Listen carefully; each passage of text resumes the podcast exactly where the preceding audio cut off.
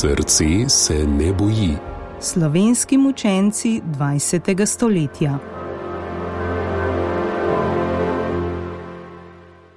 Franz Kramarič, duhovnik 1908-1942. Gospod Kaplan ni bil ničesar kriv, umrl je nedolžen, ubili so nedolžnega, ubili so ga, ker je bil tako dober, vesten, zvezd duhovnik. Ubili so ga komunisti, ker so sovražili dobre duhovnike, sovražili vero in katoliško crkvo. Gospod je umrl zato, ker je vse ljudi, posebej pa nas dekleta, vzgajal za dobro, poštenje in za vero. Komunistom to ni bilo prav. Tako je o kaplanu Francu Kramariču povedala njegova Franka. Bila je dejavna članica dekliške marine družbe in vključena v katoliško akcijo in je torej kaplana lahko dokaj dobro poznala. Marine družbe so se na slovenskem porodile v začetku 17. stoletja in so kar veliko pripomogle k utrjevanju krščanskega življenja med našimi ljudmi. Ob 300-letnici, ki so jo praznovali leta 1905, je na slovenskih tleh delovalo zelo veliko število dekliških, fantovskih, ženskih in moških marijnih družb. V priložnostni knjižici so zapisali takole: Ni je družbe, ni organizacije tako mnogo številne, tako mogočne, kakor je marijanska. Gotovo veselo.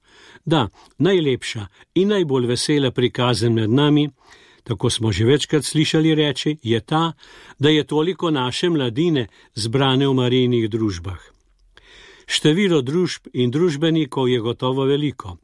To, da dobro si moramo zapomniti, da na številu ni veliko ležeče. Zapomnite si, marini družabniki se ne štejo samo, ampak se tehtajo, namreč koliko da imajo v sebi pravega pobožnega marijanskega duha in duha apostolske gorečnosti. Veliki upi se stavijo v marino družbo. Ti upi se bodo tudi izpolnili, če bodo naši marini otroci hodili po stopinjah svojih, časti in posnemanja vrednih prednikov, sinov marinih, kako so živeli v prvi marini družbi na slovenskem. Oglejte si torej dobro njih življenje. Delu z marino družbo se je posebej posvetil duhovnik Franz Kramarič. Rodil se je 1. maja 1908 v Radovici pri Metliki. Po gimnaziji je vstopil v bogoslovno semenišče in bil 7. julija 1935 posvečen v duhovnika. Leta 1936 je bil nastavljen za kaplana v starem trgu pri Ložu na Notranskem in tot je poleg drugih kaplanskih dožnosti sprejel skrb za vodenje marijnih družb, za dekleta in za žene. Ena od njegovih družbenic se spominja. Veliko nas je bilo. Srečanja smo imeli ob nedeljah popovdne po večernicah. Pogovarjali smo se o različnih stvarih in mnogo smo molili. Gospod Kramarič nas je navajal k molitvi. Bil je res dober in ga je bilo zelo škoda. Na shodih nam je razlagal verske stvari, samo verske teme so bile na vrsti. Kar tiče politike, pa o tem na shodih ni bilo nikdar govora, nikoli. V molitvi se mu priporočam, našo marino družbo on še vedno vodi iz nebes. Njegovi učenci so pripovedovali, da je javno povedal, kako mu je bilo hudo, ko so italijani pobijali ložane in druge farane v Loški dolini.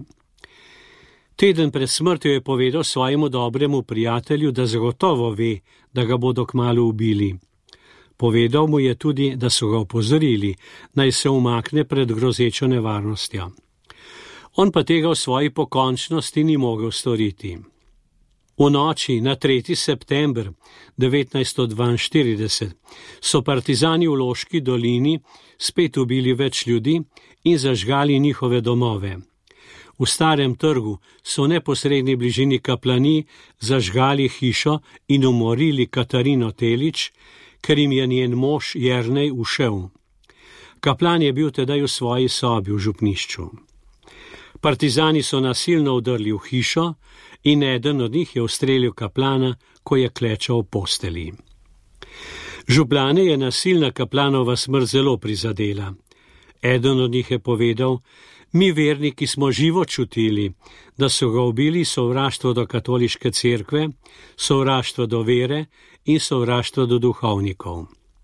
In drug je dodal: Gospod Kramarič je bil mučenec, bil je svet mož, svet duhovnik. Gospod Kramarič je resnično bil mučenec. Pa še eno pričevanje. Gospod Kaplan je bil svetniška osebnost, svetniški duhovnik. Temu ne more nihče ugovarjati, kdor ga je poznal. Nobene slabe reči se ne more reči o njem. Bil je svetnik, umor je mučeniške smrti, nedolžen. Grob kaplana Kramariča je po vojni nova oblast zravnala zemljo. Očitno je bil za novo ureditev navaren še po smrti.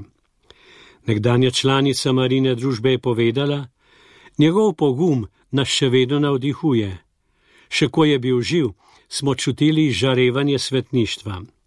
Ob smrti smo to tudi čutili in še sedaj imam občutek, da imam njegovo varstvo, da me še danes spremlja.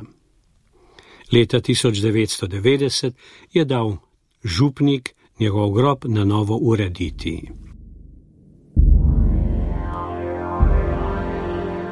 Srce se ne boji. Slovenski mučenci 20. stoletja.